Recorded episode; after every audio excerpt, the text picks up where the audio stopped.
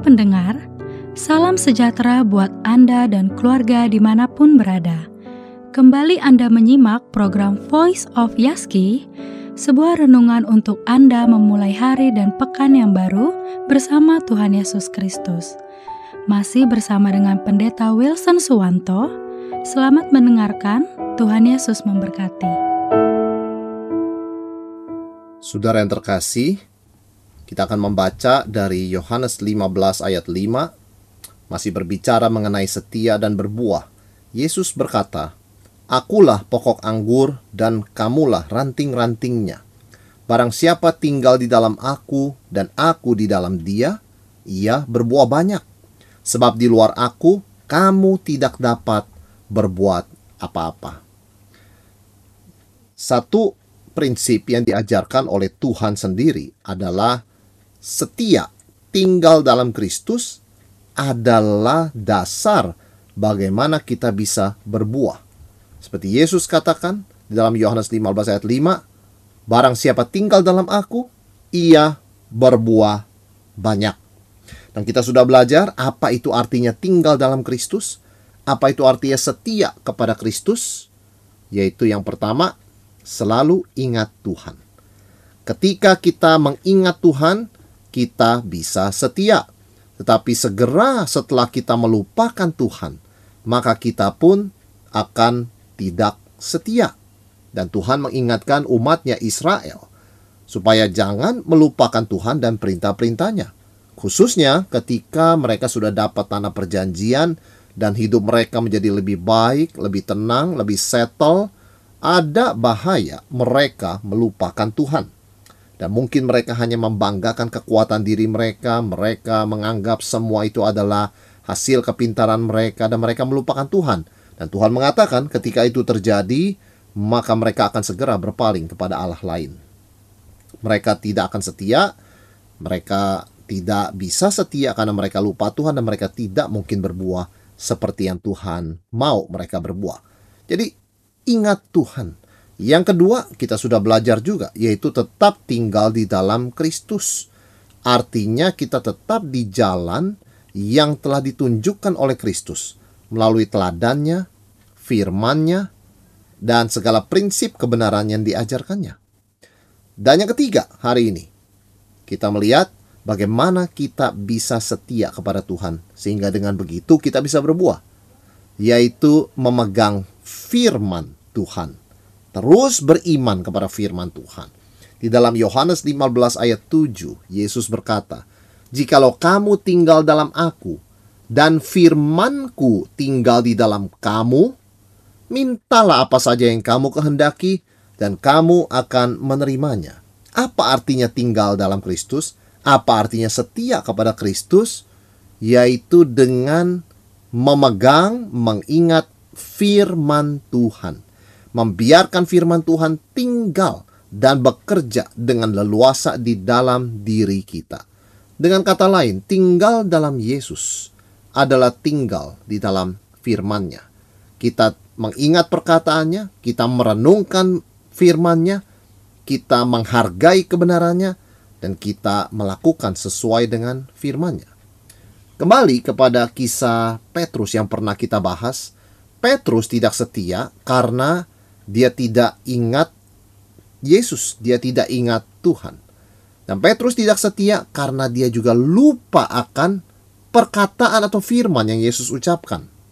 Yaitu, sebelum ayam berkokok, engkau sudah menyangkal aku tiga kali. Petrus tidak setia karena dia tidak percaya firman Tuhan. Karena dia lupa firman Tuhan. Dia tidak percaya karena ketika Yesus mengatakan demikian dia mengatakan oh tidak Tuhan, tidak akan terjadi kepadaku. Meskipun Yesus berkata dia akan menyangkalnya, Petrus berkata sekali-kali tidak. Akulah yang akan terus menemani Tuhan sampai ke penjara sekalipun. Sekalipun semua murid meninggalkan kau, aku tidak akan. Apa artinya tinggal dalam Kristus? yaitu terus memegang dan mengingat firman-Nya. Ketika Yesus berkata kepada Petrus, sebelum ayam berkokok, engkau sudah menyangkal aku tiga kali. Seharusnya Petrus menyimak, mengingat, memegang baik-baik peringatan dari Yesus itu. Sehingga dia tidak akan jatuh, dia tidak mudah jatuh di dalam pencobaan, tetapi dia melupakannya. Maka ketika kita tetap percaya pada firman Tuhan, kita tetap memegang firman Tuhan, maka iman kita itu tinggal dalam Kristus, melekat kepada Kristus, dan itu rahasia kita bisa berbuah. Dan memang di dalam kita percaya kepada firman Tuhan, tidak berarti kita mengerti 100% arti dari firman Tuhan.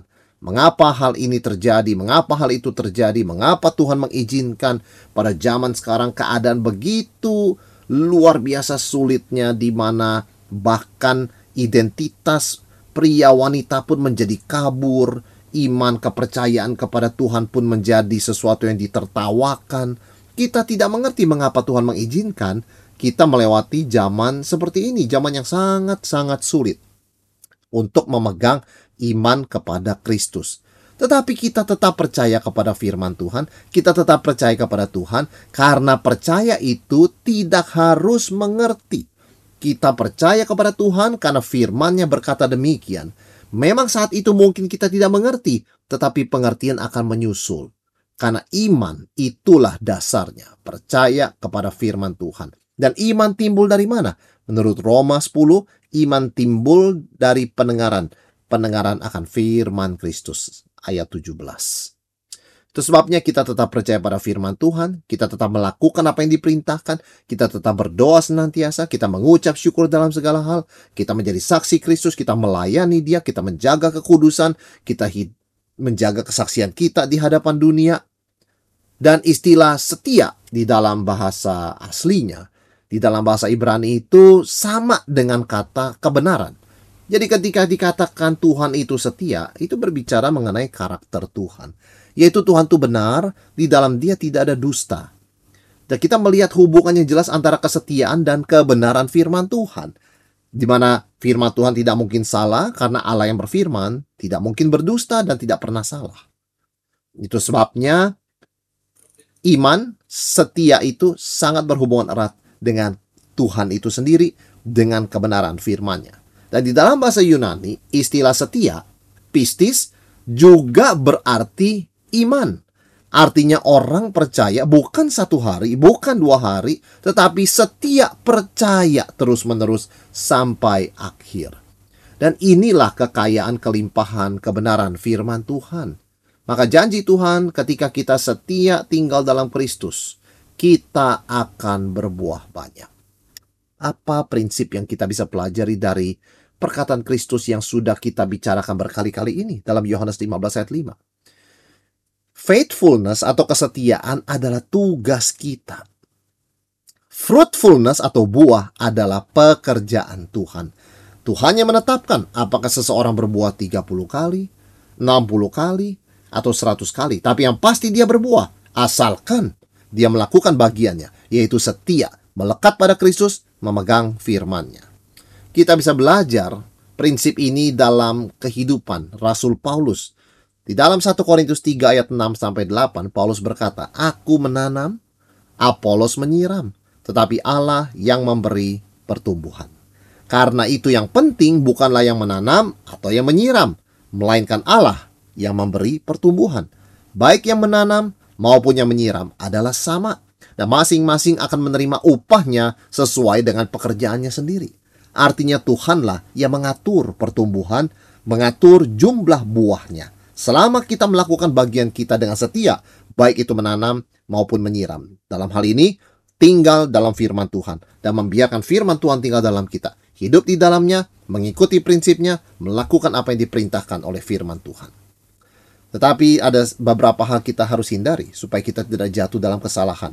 Ketika kita bicara mengenai setia dan berbuah ini. Kesalahan pertama, peringatan pertama, jangan menggunakan faithfulness, kesetiaan untuk menutupi kemalasan. Ada orang yang mengatakan bahwa oh ya saya setia kepada Tuhan, tapi dalam kenyataannya dia setia dan dia pasif, dia tidak berbuat apa-apa. Itu adalah sebuah kemalasan dan dia sebetulnya tidak boleh menyebut itu sebagai kesetiaan. Itu adalah tindakan eh, tidak ada tindakan pasif, malas. Dan malas bukanlah setia. Karena ketika Yesus berbicara mengenai hamba yang dipercayakan talenta, tiga macam hamba. Hamba yang ketiga, yang malas itu, dia hanya menjaga, dia menyimpan talenta yang tuannya berikan. Apakah itu setia? Tidak. Yang setia itu adalah hamba yang mengembangkan talentanya. Yang mendapat lima, mengembangkan jadi lima. Mendapat dua, mengembangkan jadi dua. Mereka itu setia. Setia dan baik benar perbuatanmu. Masuklah dalam kebahagiaan Tuhan. Tetapi yang mendapatkan satu dan menyimpannya saja, itu bukan setia. Itu malas dan jahat. Jadi kita harus membedakan. Setia bukanlah pasif, setia bukanlah malas. Setia itu aktif dan rajin. Jadi jangan salah mengerti setia sebagai malas atau pasif. Yang kedua, jangan menggunakan fruitfulness atau buah untuk menggantikan faithfulness. Fruitfulness, buah ada di tangan Tuhan. Faithfulness, kesetiaan, tugas kita. Jangan menggantikan kesetiaan dengan alasan, oh nggak apa-apa saya lakukan ini meskipun melanggar firman. Toh hasilnya ada. Tuhan tidak berkenan. Fruitfulness adalah bagian Tuhan. Tidak boleh demi buah kita menggunakan, menghalalkan semua cara. Kita harus setia kepada firman Tuhan. Kita harus memegang prinsipnya. Kita harus hidup sesuai dengannya. Buah adalah kedaulatan Tuhan. Anugerah Tuhan yang menetapkan. Kapan? Berapa banyak? Tugas kita adalah setia. Tinggal dalam Kristus, tinggal dalam firman-Nya, firman-Nya tinggal dalam kita. Dan Tuhan pasti memberikan pertumbuhan dan buah. Dan apa bagian kita di dalam setia ini? Sekali lagi, rajin. Kita belajar untuk rajin karena sekali lagi setia bukanlah malas. Setia bukanlah pasif. Paulus menanam, itu sebuah bentuk tindakan, membutuhkan kerja kerajinan kerja keras. Apolos menyiram, itu juga sebuah bentuk kerajinan, sebuah tindakan, itu sebuah kerja keras. Karena pertumbuhan berasal dari Tuhan, kita mau dan kita rela rajin bekerja keras, aktif, karena kita tahu jeri lelah kita tidak akan sia-sia. Dan bagian kita juga adalah terus mengembangkan karunia yang Tuhan berikan. Tuhan berikan kepada kita karunia main musik, memberikan kepada karunia karunia kepada kita untuk memuji nama Tuhan, memberikan karunia untuk memimpin, untuk mengajar. Jangan pernah berhenti dan puas dengan menerima karunia dan menggunakannya, tetapi terus meminta Tuhan membantu kita, menolong kita mengembangkan karunia ini sehingga banyak orang kita bisa jangkau dan Tuhan boleh bekerja menghasilkan banyak buah melalui kehidupan dan pelayanan kita. Ketika kita setia, rajin, mengembangkan karunia, pasti ada buah. Ada jiwa-jiwa yang diberkati, mungkin 10 orang, mungkin 100 orang, mungkin 1000 orang. Semuanya itu adalah kedaulatan dan anugerah Tuhan. Yang pasti, setialah supaya kita boleh berbuah setia tinggal dalam Kristus, maka kamu akan berbuat berbuah banyak dan Bapakku akan dimuliakan di dalam semuanya ini. Ini adalah ajaran dari Tuhan. Ini adalah prinsip yang Yesus ajarkan bagian dari kehidupan orang Kristen. Mari kita lakukan bagian kita. Dari hal yang paling kecil, kita belajar setia. Kita beribadah ketika kita sehat dan kita itu ada di dalam kota, mari kita ibadah secara fisik ketika gereja kita memang membuka kemungkinan tersebut. Marilah kita membaca Alkitab, mari kita berdoa, mari kita menjadi saksi Tuhan, memegang teguh prinsip kebenaran Tuhan di dalam pekerjaan kita meskipun godaan begitu banyak. Setia, setia, setia. Kita akan melihat buahnya yang Tuhan kerjakan di dalam kehidupan kita. Yang setia kepada dia, kepada Kristus, dan kepada firman-Nya. Demikian tadi Voice of Yaski bersama Pendeta Wilson Suwanto. Anda bisa kembali mendengarkan episode kali ini melalui Spotify Voice of Yaski atau Anda juga dapat mendengarkan, membagikan, bahkan mengunduh episode-episode Voice of Yaski lainnya melalui podcast Yaski di podcast.yaski.co.id. Terima kasih sudah mendengarkan. Salam sehat selalu, dan Tuhan Yesus memelihara Anda dan keluarga.